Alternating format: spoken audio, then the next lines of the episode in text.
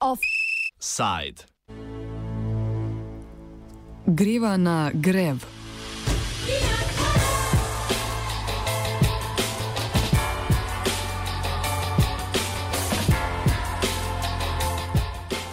V Franciji danes potekajo unovični protesti proti pokojninski reformi francoskega predsednika Emmanuela Macrona.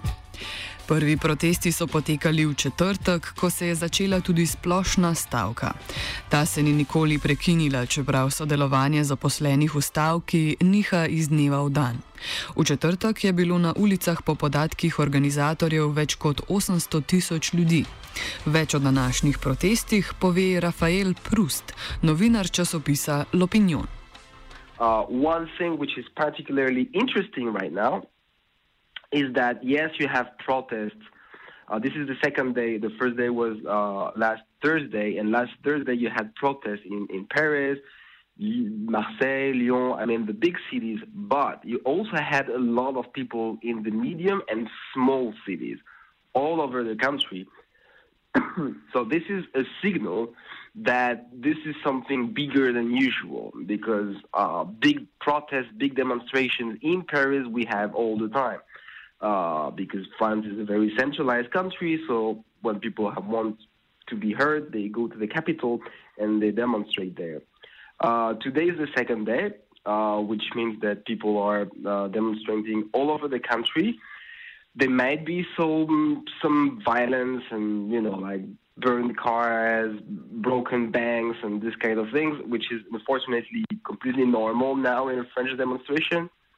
It's been a couple of years now that there's there's there's violence almost every time.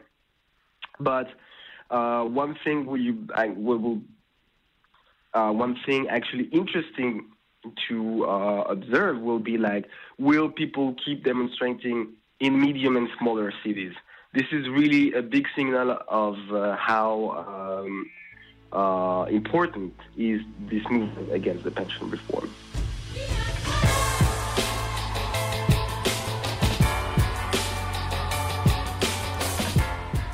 Pokojninska reforma je veliki cilj predsednika Makrona, ki je svoj hitri politični vzpon zgradil na imidžu politika, ki bo reformiral Francijo.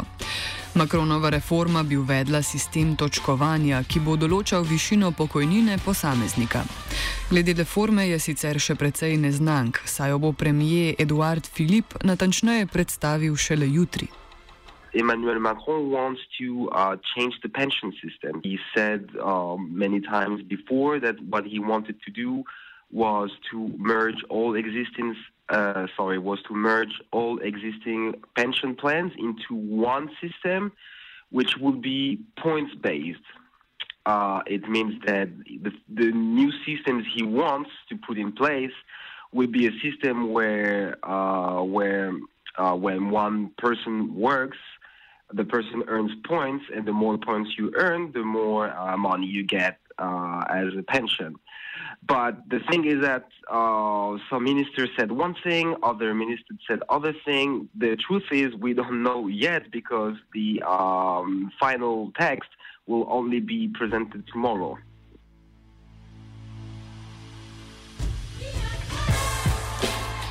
Ena izmed značilnosti reforme je tudi mehanizem prilagajanja na spremembe v starostni strukturi prebivalstva. Sistem bo tudi v pokojninski sistem uvedel zdaj že vsem znano zlato pravilo, torej zahtevo po proračunski uravnoteženosti. Starost upokojitve, tako imenovana ravnotežna starost, bo na začetku postavljena pri 64 letih, na to pa se bo spremenjala v skladu s premembami pričakovane življenjske dobe. Reforma bo uvajana zelo postopoma in bo prizadela predvsem tiste, ki danes šele vstopajo na trg dela. The, the, the idea is that you cannot change the plan for someone who already started to work in the previous system. So the idea is that the new system will only apply for future generations. So nobody starts in one system and ends in another one, if you understand what I mean. So it's one of the reasons why the government says to protesters that they shouldn't worry because this will only apply in um, in for future generation. Let's say like maybe 20, 25 years. Um, but it doesn't really work because many, many, many protesters just think that with the new system, pensions will be lower and that people will just earn less money and that's really one one big issue in the political struggle right now. But yes, if this pension uh, system reform uh, passes, it will only apply for future generations. It will not target people who are currently working, but only people who will start to work in five or ten years. Reformi najbolj nasprotujejo zaposleni v javnem sektorju in državnih podjetjih. Za nje do sedaj veljajo številne posebne pokojninske scheme.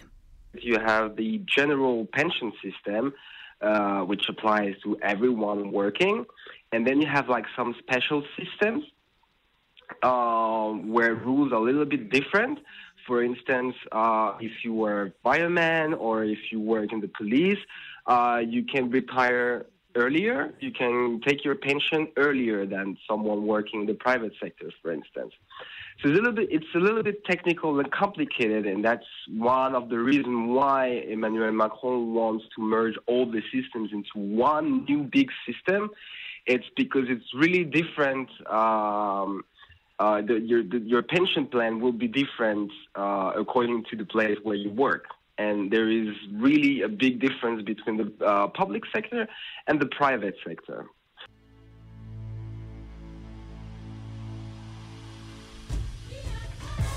Glavni organizator tokratne stavke je najstarejši in po članstvu drugi največji sindikat CGT.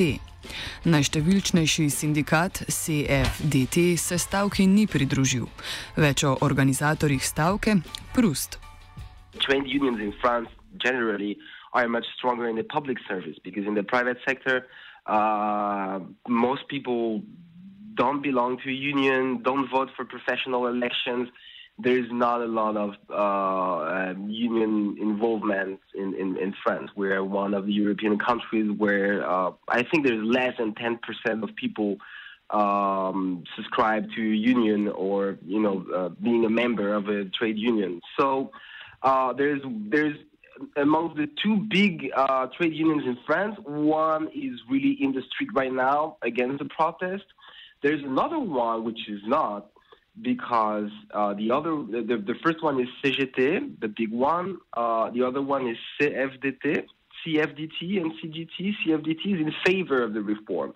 Uh, when Macron said he wanted to change and merge all the special regimes into one big uh, system, they agreed. But even even though the uh, CFDT is not um, calling for protest or marching on the streets, uh, they also say they're a bit worried because they've been uh, talking with the government for 20 months and we still don't know the exact thing that they want to pass.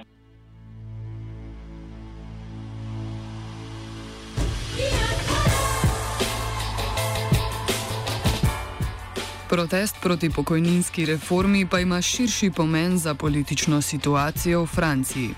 Združuje namreč nasprotnike predsednika Makrona z levice in desnice. People are demonstrating against the reform, but there is also, uh, since the Yellow Vest movement a year ago, there is a really big feeling among not all the French. Of course, the president still has support, but for those uh, who don't support the president, it's not just the pension reform. People aren't, many people uh, demonstrate not just because they don't want this reform, but because they think that uh, Macron is anti-social, you understand?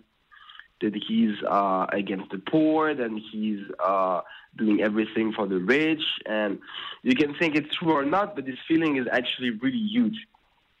So, uh, you know that's it's it's it's the drop. This is the final touch, and uh, maybe it's this this reform is for many people is just a pretext to actually um, take on the streets and and tell the world how bad the president is.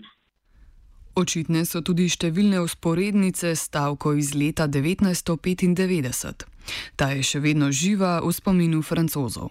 Know, the uh, 1995 strikes, they're now um, more than 20 years after, they're, they're, they're kind of a myth in France. Why? Because these strikes were actually really tough. There was not, I remember I was a kid there in Paris, there was no uh, buses, no trains, nothing.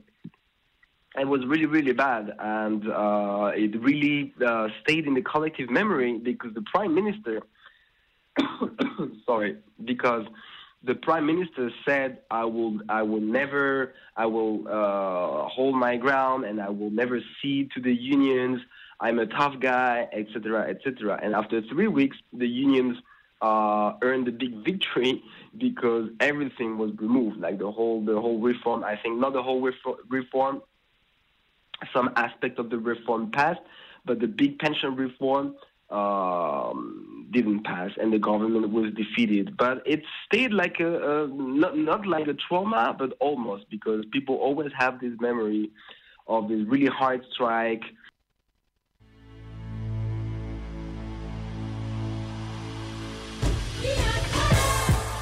Kot meni Prust, za zdaj merjenje moči med vlado in sindikati še ni doseglo točke, na kateri bi katerakoli stran blizu tega, da začne popuščati.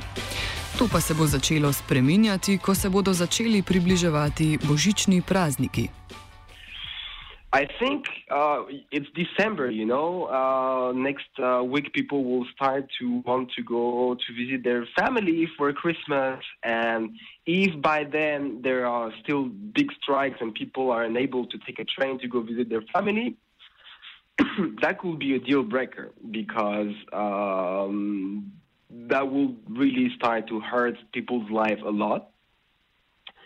So I think part of the strategy for the unions now is to try to last until really the days before Christmas, because then there will be a lot of pressure on the government's shoulder to solve the issue. Just because, okay, you know, people they can have a hard time going to work for one week, two weeks, but if it starts to hurt family family lives and if people are prevented from visiting their families for Christmas, that would be that would be a, a bad thing. So uh, it's just a bet. I can't read the future, but I think things uh, might change before Christmas.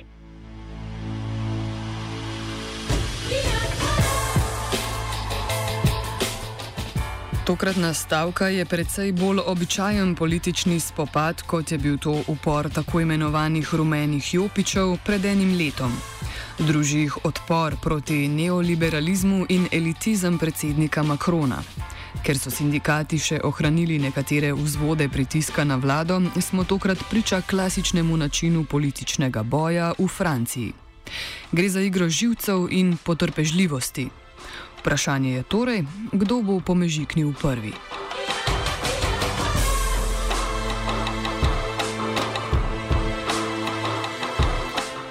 Offside je pripravil Gal.